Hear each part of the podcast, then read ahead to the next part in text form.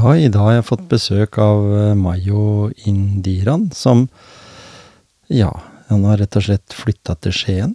Eh, Så det ble kortere vei enn jeg hadde regna med, men eh, Mayo er en person jeg har lenge hatt lyst til å ha med i motivasjonspreik. Mye fordi han har jo da greid å bli et forbilde for mennesker som ikke er redde for å stå fram med egen diagnose. Han har ADHD og i tillegg dysleksi, og har jo vokst opp som innvandrergutt, egentlig. Hun tenker at foreldrene hans i hvert fall er fra Sri Lanka, så har han uh, sjøl vokst opp i en familie i hvert fall som er, har vært innvandrere til Norge. Og på Stovner har det jo vært både utfordringer på den ene og den andre vei. I dag har han kommet hit til meg for å snakke om hans liv, hans motivasjon, og ikke minst eh, om personen Mayo som vi har lyst til å bli litt bedre kjent med.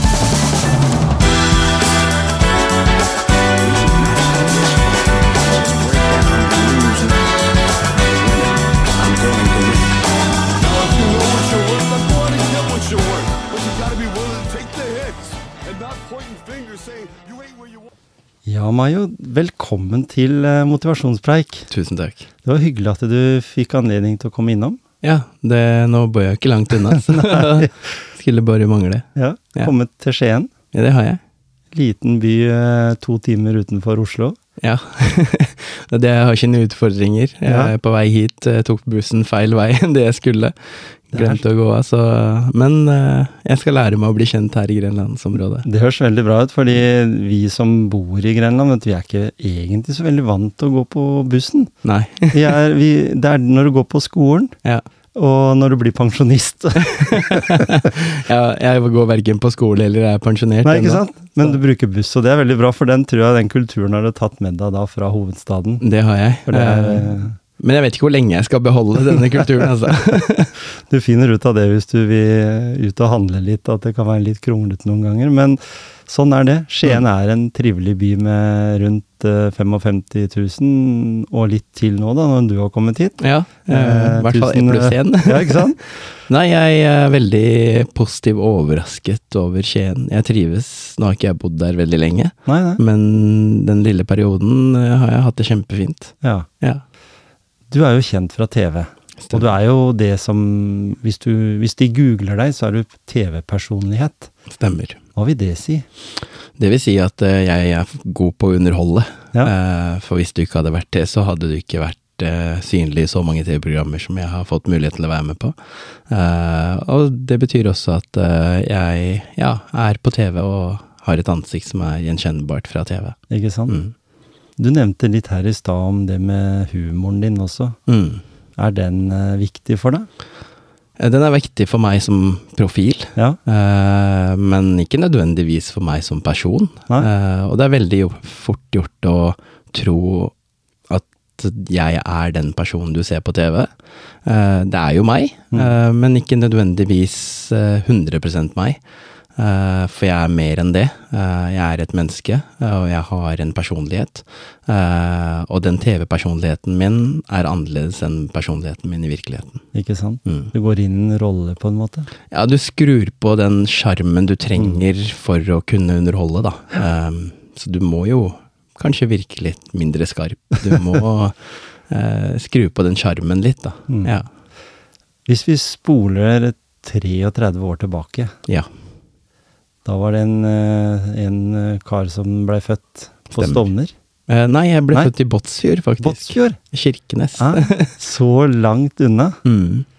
Eh, pappa kom jo som flyktning til Ja, Norge, rømte fra krig i Sri Lanka. Eh, så han fikk muligheten i 88 til å flytte til Båtsfjord og jobbe i en fiskefabrikk der. Der var det jobbmulighet. Så han flyttet dit. Senere kom mamma til Norge, for han var forlovet før han flytta til Norge. Så Ja. da mamma kom til Norge, så, Så giftet de seg, og så fikk de meg, og jeg ble født i Båtsfjord. Tre år etterpå så skjønte de at der går strømmen, og det er jo nesten like ille som i Sri Lanka.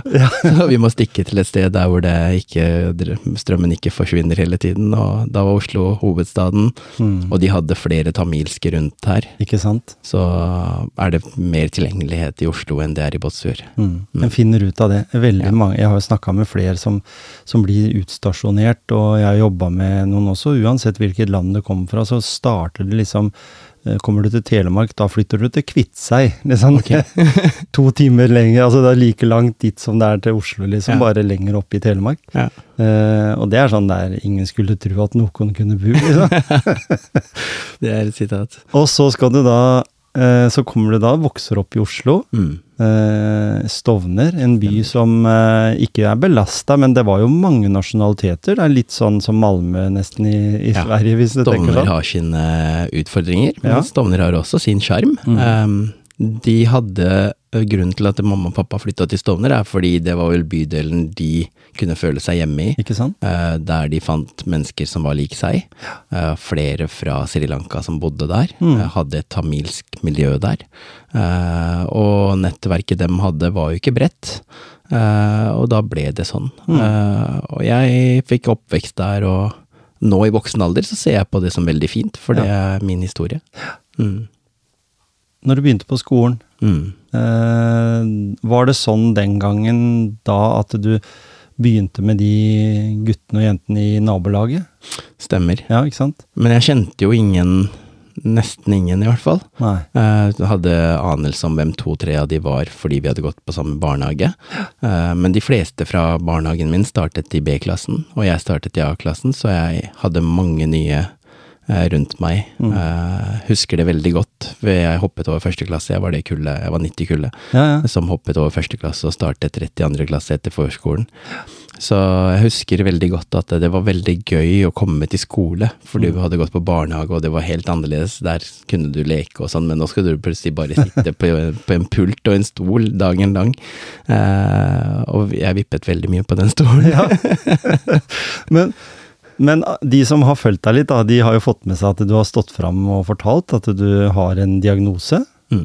ADHD, Og dysleksi. og dysleksi i tillegg, ikke sant? Mm. Det er en, eh, I utgangspunktet ville jo mange sagt at eh, det, da har du uflaks, for det er en dårlig kombo. Men for deg så har jo du på en måte eh, brukt dette som et verktøy til å bli den du er i dag. Absolutt, men det har jo også bydd på sine utfordringer. Vil tro det. Um, ikke bare for meg, men for foreldrene mine, for dem har jo ikke forstått hva dette her dreier seg om. Nei. De har aldri skjønt hvordan barnet deres, eller hva barnet deres har å deale med. Er det ikke ADHD i Sri Lanka? Nei, dessverre. Nei, ikke det er nesten som 70-tallet i Norge. Det er utrolig eh, spesielt, Mm. akkurat det. Ja, du er Samfunnet et ikke gir dem muligheten. Kan, kan, men kan det være en, at eh, en blir et bedre økonomisk rusta land? At, det, at det, det blir gått mer ned i dybden av sånne ting? Um, det er ikke lett å si, altså, Nei. fordi Sri Lanka har ikke blitt noe rikere av den grunn. Eh, men eh, jeg vil nok eh, si at dem har kanskje ikke det behovet som vi har her i Norge om å unnskylde oss med diagnosene våre. Nei. Eh, det kan ha sine gode sider og negative sider. Mm. Mm. At det er et ilands, eh, en ilandsproblematikk, altså i forhold til en u-landsgreie? Ja, ja. Men jeg er veldig glad eh, for at jeg, i hvert fall, Mm. har lært hvordan jeg skal håndtere disse diagnosene. Hvordan jeg kan eh, mestre hverdagen og utfordringene jeg står overfor. Mm. Det har ikke jeg alltid klart. Nei. Jeg hadde veldig vansker i barndommen. Eh, men jo mer jeg har vokst på det, så har det vokst på meg. Mm. Mm. Men hva, hva tenker du om den kombinasjonen, da? Altså, jeg vet jo det at eh, du har hatt da dine utfordringer i oppveksten. Mm. Eh, og du har jo stilt opp også for å hatt en stemme blant uh, psykisk sykdom relatert til ungdom. Mm. Uh, setter du deg sjøl litt i den gata? Altså skapt, har det skapt noen uh, utfordringer sånn rent psykisk for deg også, ved å ha en kombinert ADHD og en dysleksi? For det er jo klart at det er aksept i samfunnet, Mm. til og med når du vokste opp, jeg Ja. var jo liksom sånn Han der er gæren, liksom. Ja, ehm, ja, det har det vært. Mm. Uh, det er mange elementer. Altså, jeg vet ikke hvor jeg skal starte, men jeg kan jo bare Jeg vet ikke om du husker MSN? Mm. Uh, det var et verktøy man brukte for å kommunisere over internett før, med venner og bekjente, og få seg nye venner. Ikke sant? Uh, det var en chat. Eh, nå heter det par- app, men ja, da heter det program, som du måtte installere på datamaskinen. Mm. Uh, Så jeg har med min konsentrasjonsvansker fra ADHD-en og dysleksi med skrive- og lesevanskene mine, Mm. eh, var det også en utfordring, fordi du skriver fort. Og du må svare kjapt, og jeg var veldig god på å skrive fort, men jeg var også veldig god på å skrive mye feil. Mm. Og det fikk man jo høre, ikke sant? Eh, samtidig som du har konsentrasjonsvansker, så den komboen, den, den byr på en utfordring som du mm, ikke klarer å Du må lære å håndtere den, da. Mm. Eh, og skjønne hvordan du skal fungere. Mm. Eh, og da var det ikke sånn Audacity, det var ikke CD-ord, den leste ikke teksten opp for deg at du hadde skrevet feil, og du kunne ikke bruke diktering, det var ikke sånn at datamaskinen skrev teksten for deg. Eh, så i dag har vi jo mange verktøy som kan hjelpe oss, men da når jeg vokste opp, så var det færre verktøy. Altså, du går ikke inn på Word og bruker stavkontroll før du skal skrive Nei. på MSN. Da er de borte, de som du snakker med. ja, da har de logget av. Ja. Mm. Men da var det eh, et verktøy. Eh, følte du at det også var For jeg har jo snakka med mange yngre som sier at det var mye mobbing på nett. Fordi det var liksom den eneste måten en kunne En hadde jo ikke alle de appene og sånn som en har i dag. Det var MSN, og en kunne bli utestengt, og en kunne gjøre akkurat de samme tinga, bare at eh, jeg er jo vokst opp med den rent fysiske, Ja. mens der begynte Det var den ikke flaskepott, flaskepost. Nei, Nei. når jeg vokste opp. Ja. Det Nei, var røyksignaler. Ja. ja, ikke sant. Nei, vet du hva, Eh, det var jo mobbing. Ja. Jeg hørte veldig ofte at eh, herregud, så mye feil du skriver. Spesielt fra kompisene mine. Ja. De var eh, Kanskje det ikke var ment stygt, men det gikk inn på meg. Mm, du ble påminnet. det? Jeg ble påminnet om det. Mm. Uh, og jeg prøvde så godt å lære. Så jeg prøvde jo hele tiden å lese på VG og liksom de nyhetskanalene, mediene som var tilgjengelige på den tida for å prøve å liksom lære meg norsk, da. Mm. Men samtidig så er du ung, og du, du er ikke så beviten om hva du skal lære og ikke, og ikke sant, så du Ting går litt fort i svingene. Mm. Det gjør det. Og så vil du være med på alt. Ja. Og eh, når ikke noe er interessant nok, så klarer du ikke å catche det opp. Sånn, Nei, sånn var det for meg, altså. Og, og gataspråket, da, på Stovner, var det også litt eh, blanding av Ja, og altså- annet? Ordforrådet til oss som vokste opp på Stovner, er ikke like bredt som eh, de som vokser opp på Frogner. Nei, ikke sant? Eh, sånn er det bare. Mm. Eh, vi hadde mye mer kebabnorsk og mye mer slang i språket. Eh, og mange andre ord som man ikke brukte. Mm. Eh, jeg måtte jo lære norsk på nytt i voksen alder, følte jeg. Ja. Så når det kommer til Skien, da, så må du begynne å trene litt på Bård Tufte Johansen-sleng. Eh, jeg hadde faktisk eh, den diskusjonen med kjæresten min, og det er at eh, jeg vil, eh, jeg vil holde den norsken jeg har nå. ja? Eh, jeg vil ikke lære den grenlandsnorsken. Og jeg, jeg tror det er lurt. ja. Eh, fordi jeg ser sjøl, jeg har jo plukka en del sånne ting selv, Ja. og så blitt liksom forma språket litt etter det som virker eh, fornuftig, tenker jeg. Ja, jeg håper er- jeg ikke legger om. Jeg har sett eh, Jeg har møtt veldig mange mennesker i voksen alder som har flyttet til Oslo fra andre steder i landet. Ja. Og de legger jo om sakte, men sikkert, om ikke alt, så legger de om noen ord. Ja. Eh, og ordforrådet deres eh, blir litt utvasket, da. Ja. Eh, det håper jeg virkelig ikke skjer med meg. Jeg vil ikke begynne å Hva er det dere sier her? Eh, ja, nei, jeg skal ikke prøve. Jeg skal Nei. ikke prøve. Jeg er veldig dårlig på å imitere. Det er jo viktig, da, å være seg sjøl, er ikke det? jo, det er det. Ja. Mm.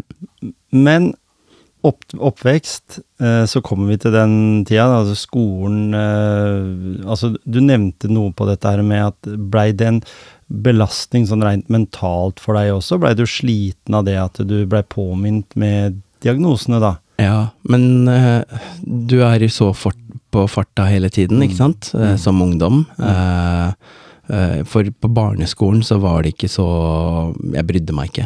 Nei. Det var andre ting i fokus. Det var ikke karakterer, liksom? Det, Nei, det var ikke noe som Men når karakterene begynte å komme, da begynte man å se veldig store skiller mellom de flinke i klassen og oss som ikke var så flinke. Ja. Uh, og tekstene våre var helt annerledes. Pratemåten vår ble veldig forskjellig.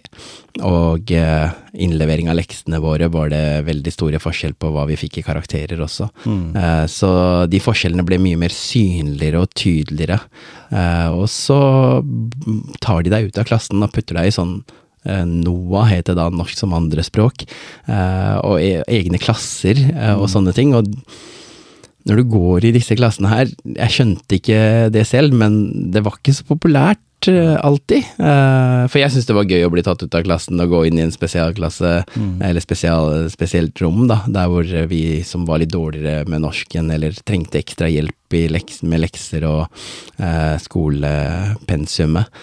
Eh, og jeg skjønte etter hvert at det, det er ikke så populært likevel. Dette her er ikke gøy. Og så begynner folk å få litt mer kunnskap, og da er de også veldig flinke til å påpeke forskjellene, de flinke. Eh, og det førte til at jeg tydde til vold eh, i perioder. Eh, for jeg følte at jeg måtte beskytte meg selv. Og det kunne jeg ikke ved å prestere, eh, ved å lære meg språket eller eh, håndtere pensumet på en bedre måte. Så da ble det til at jeg tydde til vold og ja. Jeg- Det er ikke noe unnskyldning, men eh, det har, sine, det har sine grunner til hvorfor barn blir sånn nå. Var det litt frustrasjon nå? Det er frustrasjon, Ja, absolutt. Det er 100 frustra- frustrasjon du får ut, men på en utagerende måte, da. Som ikke er akseptert, egentlig. Mm. Jeg husker jo det også når jeg gikk på skolen, øh, eh, rett etter krigen. Ja. Andre verdenskrig. Eh, at det var en sånn spesialklasse, og de var oppe i fjerde etasje. Der husker jeg det var noen sånne montre, fordi de romma der ble ofte brukt eh, biologi. ja. Så der var det sånne montre med utstoppa dyr. Ja, ja, det var sånn i klassen min. Ja, var det? Ja, ja, det var naturfags- eh, eller kjemirom, eller Ja, hva det var. Så de, de fikk lov å være der oppe, og vi Ja. var så misunnelige for de eh, fire, fem, seks som gikk i den klassen, Ja. eller rommet der oppe, da. Ja. De ble henta ut av klassen, og så opp, plassert opp der. Men vi skjønte jo det etter hvert, at det, det var på en måte litt mer for å skåne oss andre enn det var å gi de noe mer. Ja. Og hvis de ikke egna seg der heller, så kom de på en spesialskole, altså et annet sted. Yes. Ikke sant? Mm. Så, så, så løsningen var jo, selv om en satte nye navn på det, så var det jo det samme opplegget. Absolutt. For å Ja. øke nivået i, på skolen, Mm. og for å begrense at de skulle skape for mye uro. Så de tok Mm. ut det som de så på som problemet. I dag og vet jeg de heldigvis har satt inn miljøarbeidere, og de har gjort en del andre sånne ting. Sånn var det ikke når jeg gikk på skole. Nei, da ble du sendt ut på gangen, Mm. eller ble sendt ut på rektors kontor eller sosiallærerens kontor. Da. Mm, Det har jo endret seg masse, og det er jeg veldig glad for. Ja for, ja, for du tenker sånn bydelen Stovner, eller den delen da, Mm. eh, sånn som vi ser med mange andre bydeler også i Oslo-region, Mm. med, med mange eh, nasjonaliteter, eh, har jo vært veldig flinke til det. Vi ser Ja. jo det i Helene flytter inn eller eh, Mm. ut, altså disse programmene, Ja. der du ser litt hvordan det er å bo i en uh, bydel, da. Mm. Eh, men at det er også mennesker som blir plukka ut til å jobbe med, også som har vokst opp der sjøl, Ja. og som jobber med, med barn og ungdom. Veldig gøy at du sier, fordi jeg eh, gikk jo på Rommen skole Mm. uh, i ni år, for jeg hoppet jo over første klasse. Uh, men jeg jobbet på den skolen etter at jeg var ferdig med læra som IT-konsulent og har fått fagbrev. Mm. Så var det den skolen jeg dro for å jobbe på. Ja. Og jeg jobbet der i tolv år. Så samme skole jeg ikke følte noe mestring på i ti år, følte jeg mestring på i tolv år. Mm. Åssen var det å komme dit igjen, da? Som, som da en, eh, en autoritet, eller i hvert fall en som skulle jobbe med noe som Jeg var veldig glad for det, for Ja. da fikk jeg vist til de lærerne som hadde meg som elev, at eh, jeg duger til noe, jeg òg. For jeg, hørte, jeg fikk veldig ofte høre at eh, deg kommer det ikke til å bli noe av, du kommer til å få det vanskelig. Så um, når de hadde det vanskelig i klassene og ikke fikk til det tekniske, så måtte de ha hjelp av meg. Mm. Så det ga meg noe. Jeg fikk, eh, fikk en selvtillitsboost. Jeg, jeg følte på mestring. Jeg kjente at jeg duger til noe. Og samtidig så fikk jeg muligheten til å være rundt nye eh, etterkommere av meg i det miljøet, i det samfunnet. Um, og kunne prate til dem og være der for de. Og være en som har vært gjennom det de går igjennom, og kunne motivere dem. eh, og ha forståelse for hvordan det er å vokse opp på Stovner. Eh, så jeg er veldig glad for at jeg kunne gi noe tilbake igjen til det miljøet, området der hvor Ja, jeg vokste opp selv. Men, men følte du at du hadde noe ansvar for det, eller var det bare det at du tenkte at jeg har lyst til å hjelpe de eh, elevene sånn at de skal unngå å havne i samme Um, jeg følte meg? ikke noe ansvar, Nei, nei. men jeg følte at jeg kunne fungere som en ressurs. Mm. Uh, for det er jo ikke uh, påtatt at jeg skulle preke til de. Nei? Eh, men det var gøy å prate med de. Mm. Det var gøy å se forskjellene. Det, var jo, det skjer jo endringer hele tiden, ikke sant. Mm. og da var det gøy å se hvordan disse endringene påvirker disse barna. Mm. og eh, så var det noen barn du møter på som er ganske lik deg. Eh, og da er det lettere å føre en samtale med de fordi du kjenner deg igjen. Du, har, uh, du har erfaring. Og på bakgrunn av det så er det lettere da for dem også å høre på deg. Mm. Fordi de kjenner seg igjen i din historie også. Ja, ikke sant? Mm. Så det ga den gode følelsen.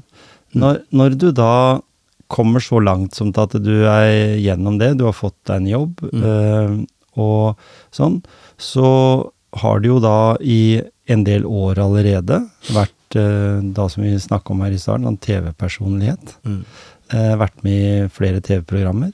Jeg sa jo ærlig det at eh, jeg er ikke personen som ser eh, Paradise Hotel. Nei. Jeg har jo sett Sofa, mener jeg, det var i hvert fall folk fra gata som var med i starten, og så Ja. var det litt kjente personer. Du var der med en god venn av deg. Stemmer. Eh, og så var du med i Kompani Lauritzen. Ja. Og da fikk jeg liksom på en måte en sånn wow-opplevelse, at eh, noen kunne være så ærlig Mm. med eh, produksjon og med alt det rundt da. For det, det blir jo en sånn eh, Altså vi som ser det på TV, vi tror jo det at eh, det, dere er liksom aleine der, men det er jo en produksjon. Ja, ja. Så, men allikevel så får dere jo får dere kjørt dere ganske skikkelig av Fenriken og Dagotto og hele Ja. gjengen. Eh, og da var det én ting jeg beit merke i, det her med f.eks. at du utfordrer deg sjøl med høyder. ja. Du eh, er det som vi kalte for Du har høydeskrekk. Det har jeg. Men har du det lenger da? For du har jo utfordra deg så langt at du har Ja, men det er som du skal bade en dag. Mm. Den frykten forsvinner ikke etter én gang, det må gjøres flere ganger. Det må trenes på. Du må, hvis du har eh, traume mot Mm. noe, så må du på terapi. Det holder ikke med én runde. Du Nei. må kanskje 10-15-20 runder. Ikke sant? Men hva var, din, hva var din traume ved akkurat høyder, da? Bare muligheten å kunne dø, eh, sånn, og at det er høyt. Altså, jeg blir svett i hendene, det kiler under føttene, og liksom Ja, jeg, Mm. jeg frykter høyde til den dag i dag, men jeg har utsatt meg selv for å yppe meg mot Mm. denne traumen, for den skal ikke vinne over meg. Nei? Eh, og det har jeg gjort i mange omganger. Jeg hadde et reiseprogram med kompisen min på TV 2, Mm. uh, der jeg hoppet i strikk, 86 meter rett ned med hodet ned først. Og da fikk jeg virkelig kjenne på det, I Rjukan, eller? i Rjukan. Jeg hoppa der sjøl. Ja. ja, og da kjente jeg det hele Det kroppen, og Ja, ja. jeg hadde så sinnssykt høy puls fra da jeg fikk på meg den selen til jeg hoppet, og når jeg var ferdig å hoppe. Jeg merka det når vi kjørte inn i det området, bare da begynte det å skje en endring med kroppen min. Mm. Da begynte jeg å føle at det, det, det er kroppen din som sier ifra, da, at du skal noe ubehagelig nå, du Mm. begynner å mentalt forberede deg. Selv om jeg visste det kanskje to uker før innspilling, at dette skal jeg gjøre, og dette skal jeg utsettes for, Mm. eh, så skjønner du ikke det før du først står der. eh, og ser høyden. Mm. Eh, Det er da det virkelig går opp for deg, og det gjorde det for meg også. Og jeg vet også den dag i dag Jeg har sagt til meg selv at eh, i en kort periode i løpet av noen år nå, så skal jeg yppe meg selv med å hoppe fra fall, helikopter med fallskjerm. Ja? Eh, men jeg veit også at jeg er dritredd for det. Men ja, det er det som er å være tøff, da. Ja, Det har jeg lært. Det er ikke å være tøff, det er ikke å se stor og sterk ut, eller um, være tøff i form av eh, ordforrådet ditt og snakke som om du er så tøff. Mm. Du skal vise det i handlinger og vinne overfor deg selv. Uh, jobbe med deg selv for å komme over disse knipene du har, da. Mm. Uh, og der er jeg mentalt. Eh, så det har jeg sagt til meg selv, så får vi se om jeg holder løftet Ja, ja. til meg selv og ikke. Så kan vi si det til dere jeg kjenner i Grenland fallskjermklubb, at uh, det er bare å ta kontakt med Mayo. Han har lyst til å prøve å hoppe. Ja, i så fall så må et kamerateam være med, for da Jeg merker uansett hva jeg skal gjøre, så er det mye jeg er mye tøffere når et kamerateam blir med og Ja, ja. filmer meg, enn at jeg skal gjøre det for noe annet. Eh, så Mm. Det skal vi, det skal vi ordne. Den, den dagen det måtte være. ja. Vi har jo en av Norges eh, mest aktive og ivrigste fallskjermklubber oppe på Geiteryggen. Du bor Ja. ikke så langt unna eh, siden du bor i Skien. Ja. Det er kort vei til alt. ja. Når en står i en sånn situasjon Jeg ser jo det, eller så jo det her, faktisk sånn gikk jeg gjennom og tok en ekstra titt på, på opptaket her i går kveld og i dag tidlig. Mhm. Jeg tenkte Siden du kom hit til motivasjonspreik, så, så tenkte jeg at nå har jeg lyst til å se liksom de følelsene du virkelig gir. Eh, var det på en måte Og, og du blei jo skikkelig terga oppe på platået der når du skulle hoppe, ikke sant? Eh, og si feil og, ja. og alt med seg. Men eh, Dagotto er jo et følelsesmenneske, han også. Mm. Han ser jo det at du eh, strever skikkelig med dette her, fordi det, det er det er én ting er å si at ja, nei, jeg er høydeskrekk, jeg også, men ja, jeg driver med dødsing og jeg gjør alt sånt, Mm. men jeg har, liker ikke høyder. Eh, så ser vi jo det at det betyr noe, du eh, blir helt satt ut. Mm. Eh, Og det ser vi jo er ekte. Det er ikke bare fordi det er kameraer der. Eh, Og så ser vi jo at du ber han om du kan få en klem. Ja. Du husker det sikkert i dag, den Ja. dag i dag? ja. For det, for det må jo ha vært en sterk opplevelse for deg å være satt i et sånn militært eh, norsk forsvarssystem. Mm. Har du vært i militæret sjøl? Nei. Nei, ikke sant? Så da blir det en sånn eh, Det var første gang jeg utsatte meg for den type behandling også. Ja, ikke sant? Uh, men uh, fra starten av så ser man eh, hvem Dag Otto er. Ja. Eh, og vi mennesker er flinke til å se dette her. Dette var også tilfellet når jeg gikk på barneskolen, eller på ungdomsskolen. Mm. Da hadde jeg lærerne mine som var autoritære, og så hadde vi en i klassen som var eh, funksjonshemmet, Mm. eh, som hadde en assistent som ikke var autoritær. Da ble jeg trygg på henne. Ja. Så henne var den jeg lente meg på når jeg trengte Ikke støtte. Eh, og det samme i, på Kompani Lauritzen. Mm. Jeg visste at han var den som er øverst i Kompani Lauritzen, men jeg visste også at han er den som har mest medfølelse, og han jeg følte meg tryggest på i den fasen av programmet. Eh, så da var det veldig naturlig å spørre om å få en klem. Eh, sånn har jeg alltid vært. Um, når jeg føler meg dårlig eller ikke har det bra, så har jeg alltid pleid å klemme pappa. Mm. Mamma er ikke en klemmer, eh, men hun har lært å klemme meg nå, eh, fordi jeg maser og pusher det. Men pappa er alltid den som har klemt meg, så når jeg møtte han der nede da og var nedbrutt, så var det helt, helt naturlig å spørre om å få en klem, og jeg følte meg mye bedre med en gang etterpå. Ikke sant? Mm.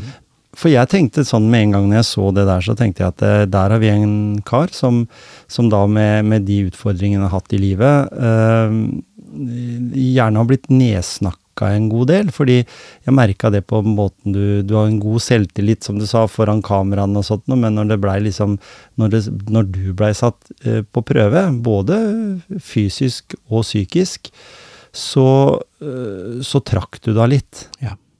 Fordi du tenkte at det, dette her, det Du, du kom litt utafor komfortsonen, kan Yes, du si det det? ble ubehagelig. Ikke sant? Mm. Eh, og da blei du litt feig. Ja. Jeg, Og du utsatte deg sjøl, for du, det var jo bare over deg sjøl du blei feig. ja. Og det gjorde jo til at det blei mer spennende å se om ja, greier han det nå? Eller Mm. greier han den øvelsen? Du blei en, liksom en karakter som, som vi savna når du gikk ut. ja. eh, Takk. hva følte du sjøl liksom, i den settingen der? I den utafor komfortsona? For du hadde jo, selv med utfordringer opp gjennom livet, så hadde du jo alltid vært inne i bobla. Ja. Um, på ungdomsskolen, da, når jeg følte et behov for å tøffe meg, for å bevise andre at jeg er tøff, så var det lettere å gjøre ting, uh, selv om det kjentes feil ut. Selv om du ville feige ut, så var det lettere å gjøre det. I voksen alder har jeg beskyttet meg selv ganske mye. Jeg har ikke utsatt meg for noe ubehagelig. Jeg er under inne i komfortsonen min hele tiden, og det har gått for mange år i den komfortsonen. Og når du da skal prøve å yppe deg igjen, Um, så har du Du er inni et skjell, da. Så for å knekke og komme ut av det skjellet, det er ikke lett, altså. Uh, men jeg husker veldig godt at eh, etter denne øvelsen, den tårnoppøvelsen, så husker jeg at eh, den kvelden når jeg skulle legge meg, jeg kjente det fortsatt i kroppen. mm. fordi det var en ubehagelig både fysisk og psykisk eh, ting eh, som jeg utsatte meg for. Men da husker jeg at jeg satt og tenkte at eh, vet du hva, det her, her er det jeg skal oppnå med dette programmet her. Deltakelsen min. Jeg skal igjennom flere sånne oppgaver som er ubehagelige. Jeg skal yppe meg selv. Jeg skal bli en tøffere versjon av meg selv når jeg er ferdig her. Når han har sagt det før på TV, så er sånn, hva det han snakker om? Men vet du hva? Det er en god mening bak det. For det er nettopp det det dreier seg om. Du skal bli tøffere. Eh, og det har hjulpet meg veldig mye på privaten, sånn i ettertid. Ting jeg har møtt på i ettertid, etter denne deltakelsen. Så du blir litt visere for hver gang du utsetter deg på den måten her, fordi du får en eh, Du får tid til å analysere og prosessere ting, da. Eh, og det fikk jeg masse tid til etter denne deltakelsen, og spesielt når du, etter at du har rullet på TV. Mm. for da får du et annet perspektiv om deg selv også. Og det er det som er så flott med dette TV-programmet, kontra andre TV-programmer jeg har vært med på, som eksempel Paradise Hotel, fordi det dreier seg om noe helt annet. Dette TV-programmet her dreide seg om noe helt annet. Det, det var så ekte som du kunne få det. Det var beinhardt. Eh, både mentalt, men også fysisk. Eh, og jeg har skjønt i ettertid at det, dette vil hjelpe meg i livet. Ja. Det gjør det til den dag i dag, fordi jeg hele tiden går og tenker at jeg må ut av komfortsonen min og gjøre ting. Før så hadde jeg sceneskrekk. På ungdomsskolen, så hvis vi skulle fremføre noe, så kunne jeg lett skulke den timen. Ja. Eller den dagen. Jeg ville ikke fremføre eller mm, hadde vi et prosjekt da, som vi skulle fremføre, så ville ikke jeg det. Skulle vi ha høytlesning, så sa jeg at jeg må på do, og så kommer jeg ikke tilbake fra til den timen. Men i dag så holder jeg foredrag Ja. og prater eh, for mange. ja, for når du sier akkurat det der at den har sånn, så har du jo på en måte bygd deg sjøl opp Mm. til å bli mer modig. Ja. Men dette skjønte selv. jeg ikke før. Nei, ikke sant? Det her, her har jeg skjønt etter at jeg ble 30 år, Ja. på Kompani Lauritzen. Mm. har gjort at jeg har skjønt at eh, dette er sånn jeg må gjøre. Det er sånn jeg skal trosse de grensene, og jeg skal yppe meg selv og bli tøffere og utfordre meg selv. Og uh, erfaringen og lærdommen jeg har fra personliglivet mitt, Mm. kan være en oppvekker for andre, kan være motiverende for andre, kan uh, inspirere andre. Ja. Uh, og det, det er en egen glede, det i seg selv. Mm. Eh, for jeg veit at eh, jeg trengte det, og det er veldig mange andre som trenger det. Mm. Men hva, hva var hvis, Nå har vi tatt det tårnhopp, da, eller mm. hoppetårn, eller hva de. Ja. de sa jo mange Ja. ting. Hoppeslott og Ja. Hva var det eh, aller mest krevende under hele innspillingen der? Som Det ser huske? man ikke på TV, Nei. men det er faktisk eh, å gå når du er sliten. Når, jeg hadde jo ryket menisk også. Altså, eh, med tung sekk tung og lange distanser. lange distanser. Uh, Det vi så som fem minutter, det var yes, det var eh, to timer. Ikke sant? Ja. Um, og en med en tydelig skade, menneskeskade, Mm. som jeg ikke visste jeg hadde da. Uh, det var tungt. Uh, så den helvetesdagen, som de kaller det, den dagen du skal greie deg uten mat, den dagen var verst for meg.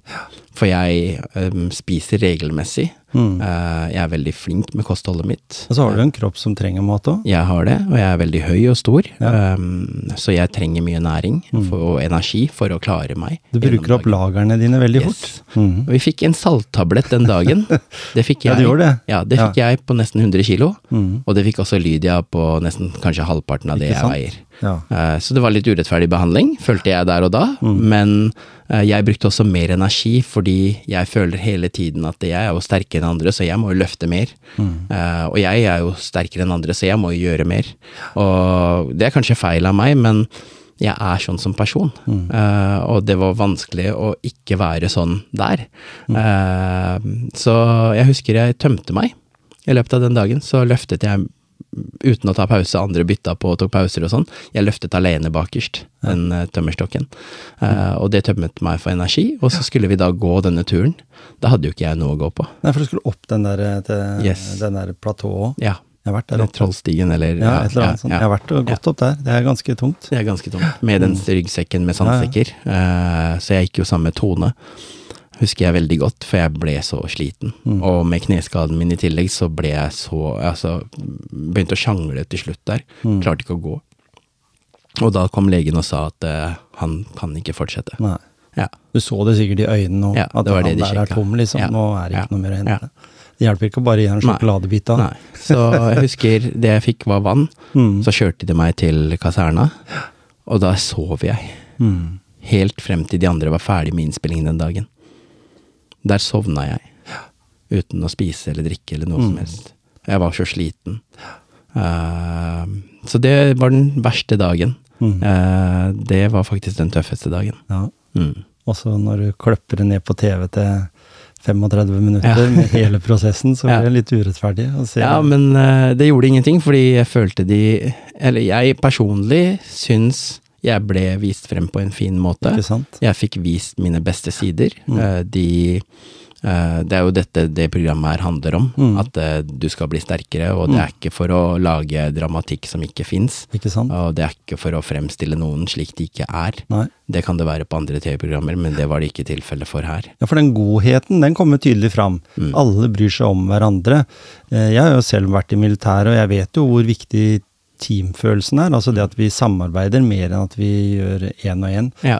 Eh, Selvsagt så var det jo det jeg kunne gjøre, husker jeg, eh, det var å sørge for at jeg var i en enda bedre fysisk form. Mm. Fordi da Du visste jo alltid at selv om det var psykisk påkjenning, så, så var det mest fysisk. Ja. Og jeg har jo flere bøker i hylla mi der fra en som heter Robert Mood, Mm. som var min kompanisjef den gangen jeg var i militæret. Ja. Eh, og han var en brutal jævel, for å si det sånn. Men på en god måte. ja, ja. Han var uh, autoritær, en god stemme. Litt sånn eh, Han var ikke akkurat Dag Otto-type, Mm. men det var heller ikke rom for det i Forsvaret den gangen jeg var i militæret, i 87 eller hva det var.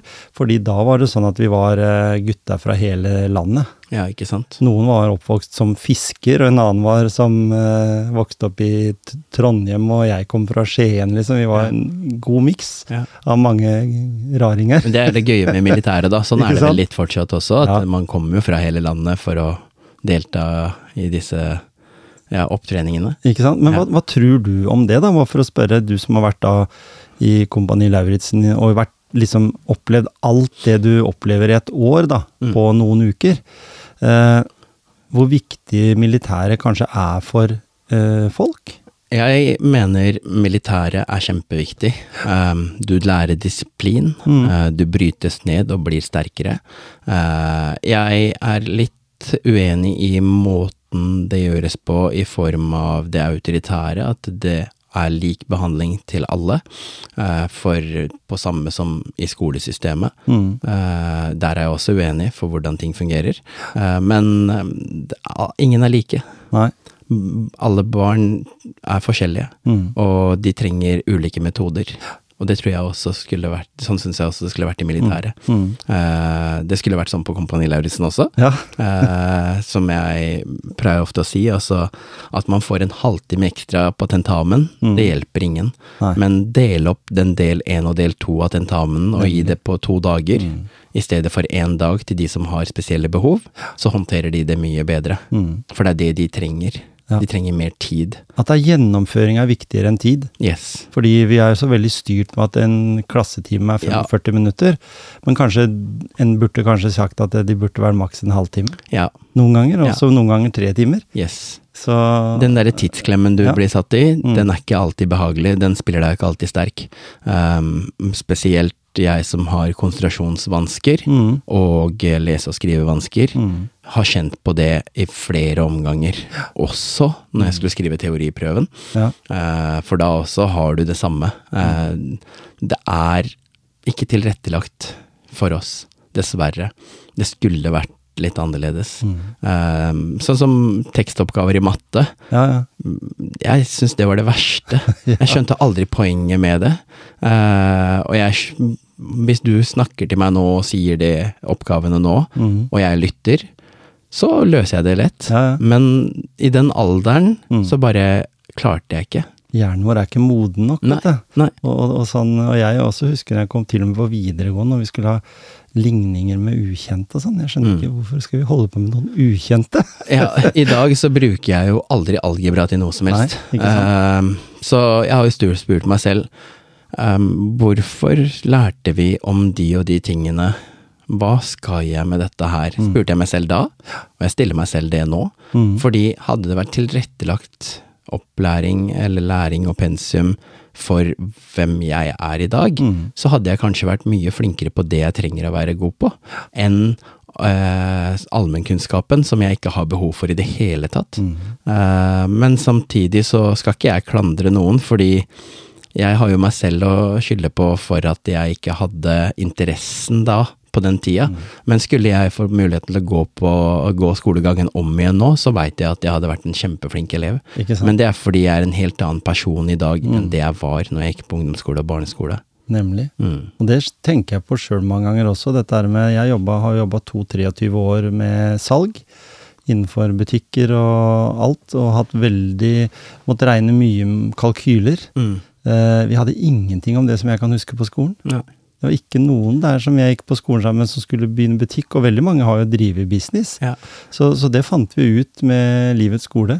Ja, jeg skulle ønske På skolen så hadde man et eget fag som het Livet. Ja, For du lærer ikke om økonomi på den måten hvordan du trenger å tenke på økonomien i livet, betale regninger, forstå det med sparing og sånne ting, eller det med å være lært til å kunne håndtere livssituasjoner, Ja. familiære utfordringer, eh, oppvekst, hvordan du skal oppdra noen, eller hva du skal fokusere på når det kommer til de ulike problemstillingene du kan få dersom du får et barn med ADHD, da. Eller la oss si du får et barn som er handikappet. Eh, eller la oss si du har en eh, familiemedlem som får kreft. Hvordan du skal håndtere disse situasjonene. Disse tingene ville jeg lært på skole, for det er relevant. Det er noe alle vi mennesker, uansett om det er i nær relasjon eller, distansert relasjon, du kommer til å fjerne relasjon. Du kommer til å møte på disse tingene her. definitivt. Dette skulle vi lært på skolen. Det savner jeg. Det har jeg alltid savnet. Jeg skulle blitt trent opp til å håndtere voksenlivet. Men jeg har gått på Livets harde skole, jeg Ja. og har lært nok, eh, og kommer sikkert til å lære mye mer.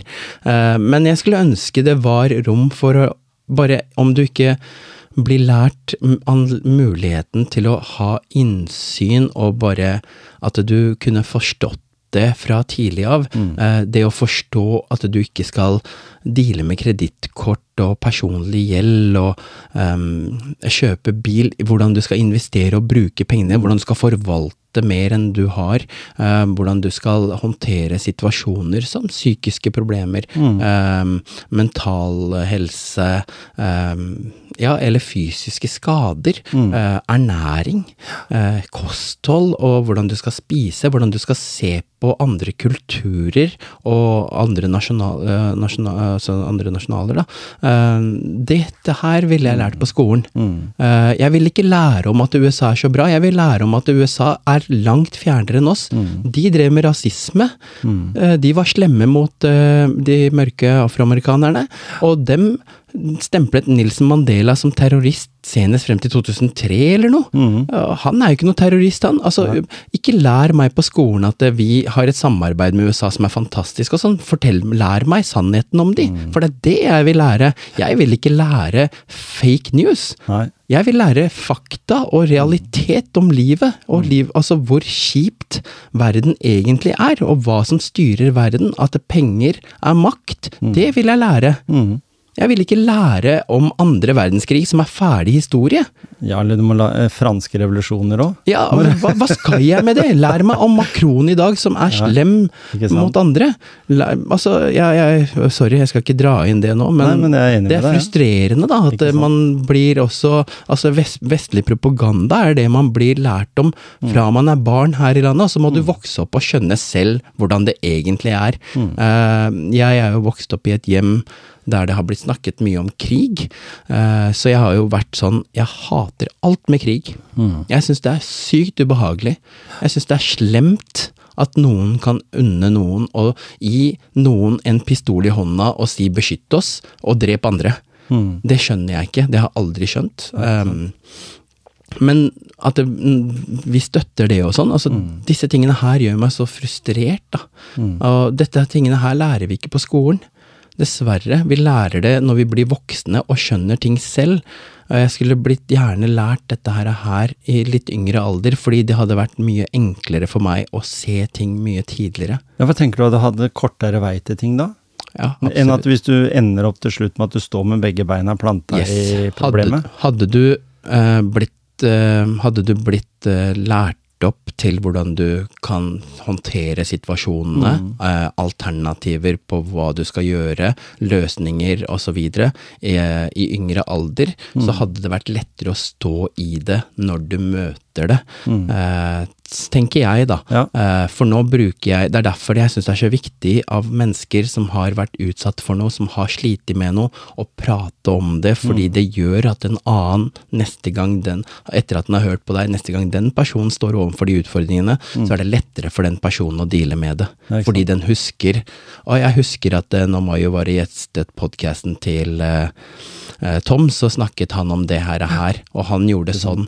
Ja, for at han ikke skal eh, mm, slite seg ut, og for at han skal håndtere ADHD-en og dysleksien, så trente han, for da visste han at det, da bruker han energien sin riktig, og kan bruke det som en superkreft.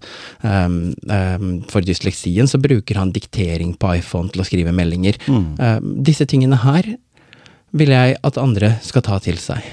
Ikke sant? Sånn skulle jeg gjerne hatt tidligere, jeg òg. Men, men når du nå da er i en sånn situasjon at du er en påvirker, da, eller en influenser, hvis en kan, kan si det på den måten. Alle er en påvirkere. Ikke sant, vi er jo det. Mm. Eh, og du påvirker da i den grad eh, ut ifra din egen erfaring. Ja, jeg er ikke faglært på noe som helst ikke sant? måte. Men det er godt på kan- at du har gått en livets skole på en Yes. måte, og bruker det som et verktøy, både når du holder foredrag, Mm. eh, men også når du snakker med andre mennesker som du møter nå. fordi hvis, vi, hvis vi ser litt på problemstillingen de har i Malmö f.eks., eller i Sverige, i Stockholm overalt. Mm. Ja.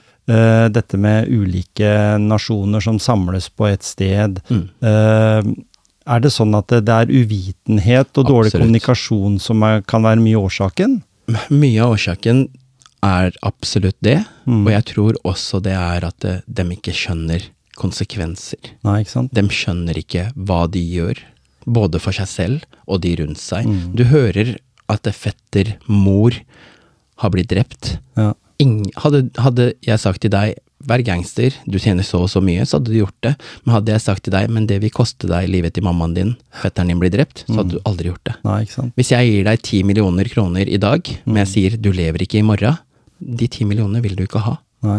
Men, men hadde du spurt meg, jeg gir deg ti millioner kroner, men du har bare dagen i dag å leve på, kommer jeg fra en fattig familie, så hadde jeg tenkt, ok greit, men da gir jeg de ti millionene til familien min, og så dør jeg. Men hvorfor det? Jo, fordi du bryr deg om de nær deg. Mm. De nærmeste dine bryr du deg om, og sånn må du få folk til å tenke. Du må få folk til å skjønne konsekvensene av hva de utsetter seg selv og de rundt seg for. Og påføre skade for andre vil backfire før eller siden. Og dette her, her må folk forstå. Og man må bruke ressurser til å gå rundt og prate. Bruk ressursene riktig, så blir det mindre trøbbel Mm. for de etterkommerne. Ikke sant? Mm. Og, men, men du har jo da en familie som har vokst opp i Sri Lanka. Mm. Vi som, hvis en spoler tida tilbake, så kan en jo se at det var voldsom krigshandlinger Det var der. det. Det var som var, eh, ja, ikke sant? Og det var urett mot ulike folkeslag der nede. Mm. Og det sa jo du til meg her før vi kom på sending, at uh, dere bryr dere enda litt mer om det. Fordi det, det er på en måte inn, inngrodd i, i hjerterøttene dine også, eller i hele familien din. Og det merker jeg på meg selv, at uh, jeg bryr meg om alle, jeg. Mm, Nettopp av at jeg har kjent på urettferdighet. mm. Nettopp av at familien min, Ja, for dere snakker forfedrene mine Dere Vi snakker snakker sammen, sammen. Dette her, her er ting vi har som samtaleemner Mm. i, når vi spiser middag, på kveldene når vi ser på noe. Mm. Når vi skal relatere til noe som går på TV-en, så snakker vi fra egen er- erfaring og perspektiv og synspunkt. Mm. Og da deler vi disse tingene her. Så jeg har vokst opp med at krig er stygt, Mm. fordi det går så mye liv tapt. Og det er alltid noen sivile som rammes mest, Mm. uansett hvor det er. Mm. Og det går utover folket. Ja. Og det går utover familier. Hvis man går i dybden på det, så går det utover enkeltindivider som også har et like verdifullt liv som meg og deg. Mm. Så du tenker sånn at når jeg reagerer på at det, vi hadde en toppolitiker i Norge som sa det at den krigen i Ukraina, den skal vi vinne. Det er vel Ja. ikke noen som vinner i krig, Ingen vinner i krig. det er bare tapere. Og jeg, jeg er veldig glad for at eh, Norge går inn for å støtte mennesker i Mm. Ukraina som sliter, eh, som er utsatt for noe ubehagelig nå, og noe Mm. fælt nå. Eh, det er tragedie.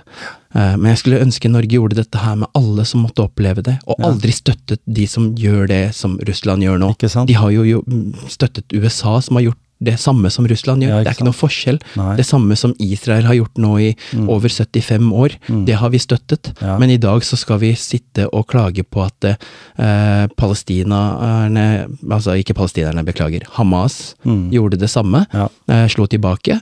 Eh, jeg syns også det er fælt, Mm. eh, men det er også uskyldige mennesker i Palestina også. Ja, ikke sant? I dag, det er det i jeg tenker på. De menneskene som ikke er opptatt av dag har det gått en dag fra de fikk vanntilførsel til det landet. Mm. Det vil si, det er mange sivile som lider Ja. for en handling av en gruppe mennesker. Mm. Og jeg syns det er feil. Ja.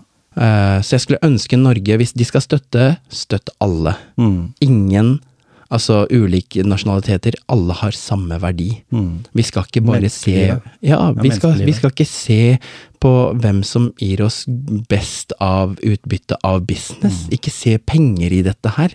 Eh, ikke prøv å selge våpen til Saudi-Arabia og si at de driver med eh, menneskehandel og eh, Ja, eh, ikke gjør det, for da blir det motstrigende. Altså, ja, de er fæle på sin måte, Mm. men det er, det, det er deres kultur, det er deres måte å være på.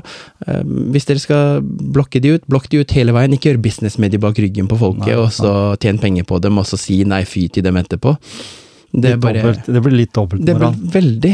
Og jeg, jeg, jeg får så Mm. vondt i meg å tenke at uh, sånn er det faktisk. Det er sånn denne verden her fungerer. Men disse tingene her skulle jeg ønske jeg lærte på skolen. Ja, ja. Jeg skulle ønske det. At jeg ikke måtte sitte i voksen alder og snakke sånn her. her. Og, og, og da tenker jeg eh, men, altså mennesket i fokus. Ja. Men, altså menneskene i fokus. Mm. For hvis, hvis, vi, vi, hvis vi legger mer eh, fokus på naboen vår og familien vår Mm. eh, Norge er vel blitt en sånn jag etter karriere og mye penger. Ja. Istedenfor at den kanskje skulle jekke seg ned noen hakk og så tenke at eh, livet er jo det viktigste. Absolutt. Og jeg tror det jaget om penger, hva er det vi trenger penger for? Vi trenger penger for mat, Mm. et trygt sted å bo. Uh, altså tak over, eh, tak over oss og en, en trygg seng å sove på. Ikke sant? Og vann til å drikke. Mm. Det er derfor vi trenger penger. Alt mer enn det er jo luksus, Ja, ja, ikke sant? jeg er enig med det. Familien min kommer fra et hjem der hvor Mm. de kun hadde fire vegger og et tak, men det kunne regndråper kunne komme inn der. Mm. Det var ikke alltid det var mye mat, men det ene måltidet du fikk, Mm. det nøyt du. Mm. Det er det jeg har blitt fortalt at jeg skal sette pris på. Ikke sant? Og når du vokser opp i disse Og jeg skjønte ikke dette her som ung, jeg heller. Nei. For jeg også trodde at eh, livet er herlig. Jeg kan eh, tulle meg gjennom skolen og trenger ikke å tenke på fremtiden min. Eh, men jeg skjønte fort at dette her kan jeg ikke i lengden. Jeg må snu. Jeg må endre på dette her, fordi eh, jeg har en påvirkning på de rundt meg. Mm. Eh, og eh, jeg er den eneste som skal forsørge meg selv. Mm. Ingen andre betaler mine regninger. Så jeg må jobbe hardt for å klare å ta vare på meg selv. Mm. Hvis jeg ikke har den driven i hverdagen, så havner jeg på utsiden. Mm. Men hva gjør eh, du når du skal motivere andre til å på en måte Hvis du, hvis du har noen ting som du mener er riktig, da, for Mm. det har du jo fått da med årets, eh, årets eh, eller de åra Ja. som har gått. Ja. Eh, hva gjør du for å motivere unge mennesker, for eksempel, som du møter i dag, i Mm. den situasjonen du er nå? Først så lytter jeg. Mm. Jeg hører på hva de står i, hvilke utfordringer de har, Mm. og hva de kjenner på. Og deretter kan jeg prate til de fra egen erfaring. Mm. For du kan ikke bare motivere folk uten å kunne relatere eller forstå. Nei. Viktigere enn det er at du må ha aksept, for det har vi ikke alltid. Men hvis jeg aksepterer at du er du, Mm. og du er bra som du er, så er det mye lettere å hjelpe deg.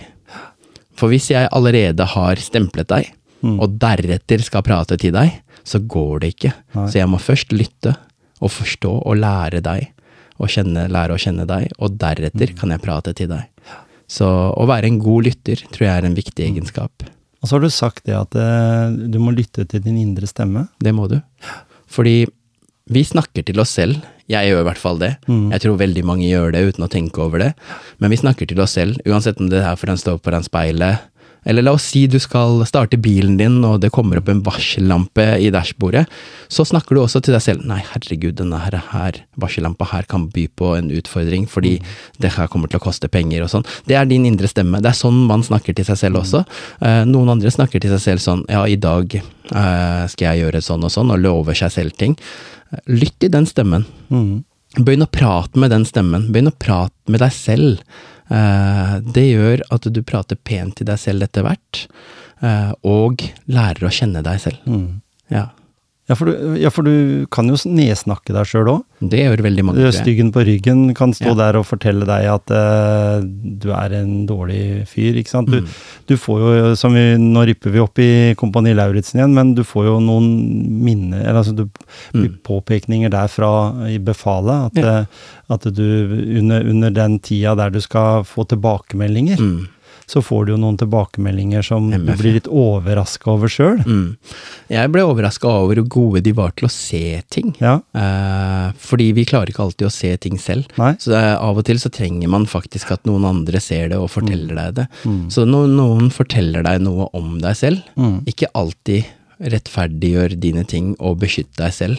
Bare lytt, Mm. ta det til deg, og så kan du begynne å analysere og se om de har rett i Mm. sin påstand, eller om de tar feil. Ja. Um, og når man snakker nedlatende til seg selv, uh, så har jeg skjønt det at eh, det kan være sunt for en periode, Mm. fordi det er den sårbare tiden du snakker nedlatende til deg selv, som bygger deg opp til den sterke versjonen av deg, Mm. når du kommer til å prate pent til deg selv igjen. Mm. Men eh, lærer vi det ved å på en måte lytte mer til den indre stemmen, eller er det bare sånn at det er noen, noen sånne knagger det kan være lurt å bruke? Um, du, altså, det kommer jo helt an på. Altså, alle mennesker fungerer forskjellig. Mm. Um, det viktigste er at du gjør små endringer. Ta de riktige valgene.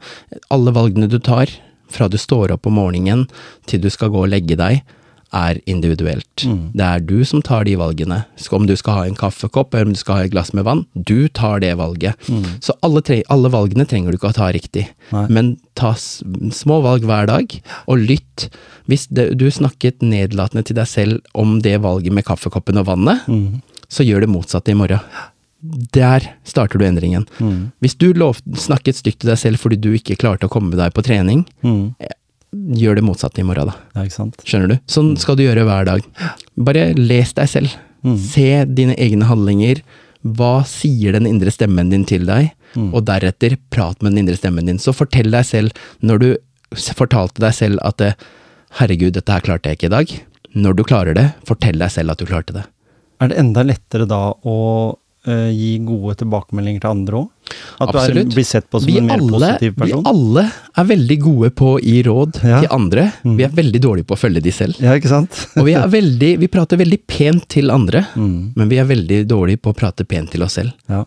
Men det er derfor jeg eh, har lært at eh, når jeg klandrer meg selv for noe, så skal jeg gjøre det annerledes Mm. neste gang jeg har muligheten til det, og ta det motsatte valget, og så skal jeg klappe meg selv på skuldra. Mm. Du trenger ikke alltid at alle andre skal se ting og klappe for deg. Klapp for deg selv. Mm. Så jeg sa et sitat til en venn i går. Hver dag skal du ut og holde et show Mm. for deg selv. Når du går ut av huset, eller når du står opp. Mm. Så la det showet være underholdende for deg selv, Mm. motiverende for deg selv, og inspirerende for deg selv. Mm. Så du veit at du har putta på et bra show, så når morgendagen kommer, så kan du klappe for deg selv for showet du satte på i går. Mm. Du trenger ikke mer publikum enn deg sjøl, med andre ord. Du er den viktigste og den ærligste publikummen du selv kan få. Mm. For alle andre kan du lyve til, men du kan ikke lyve til deg selv. Du, veldig mange gjør det, men du kommer ingen vei med det, fordi ditt indre deg vet sannheten. Ikke sant? Mm. Det syns jeg var en veldig fin avslutning. Tusen takk for at du Takk kom til selv. motivasjonspreik. Du, takk for at jeg fikk være med, det var veldig hyggelig.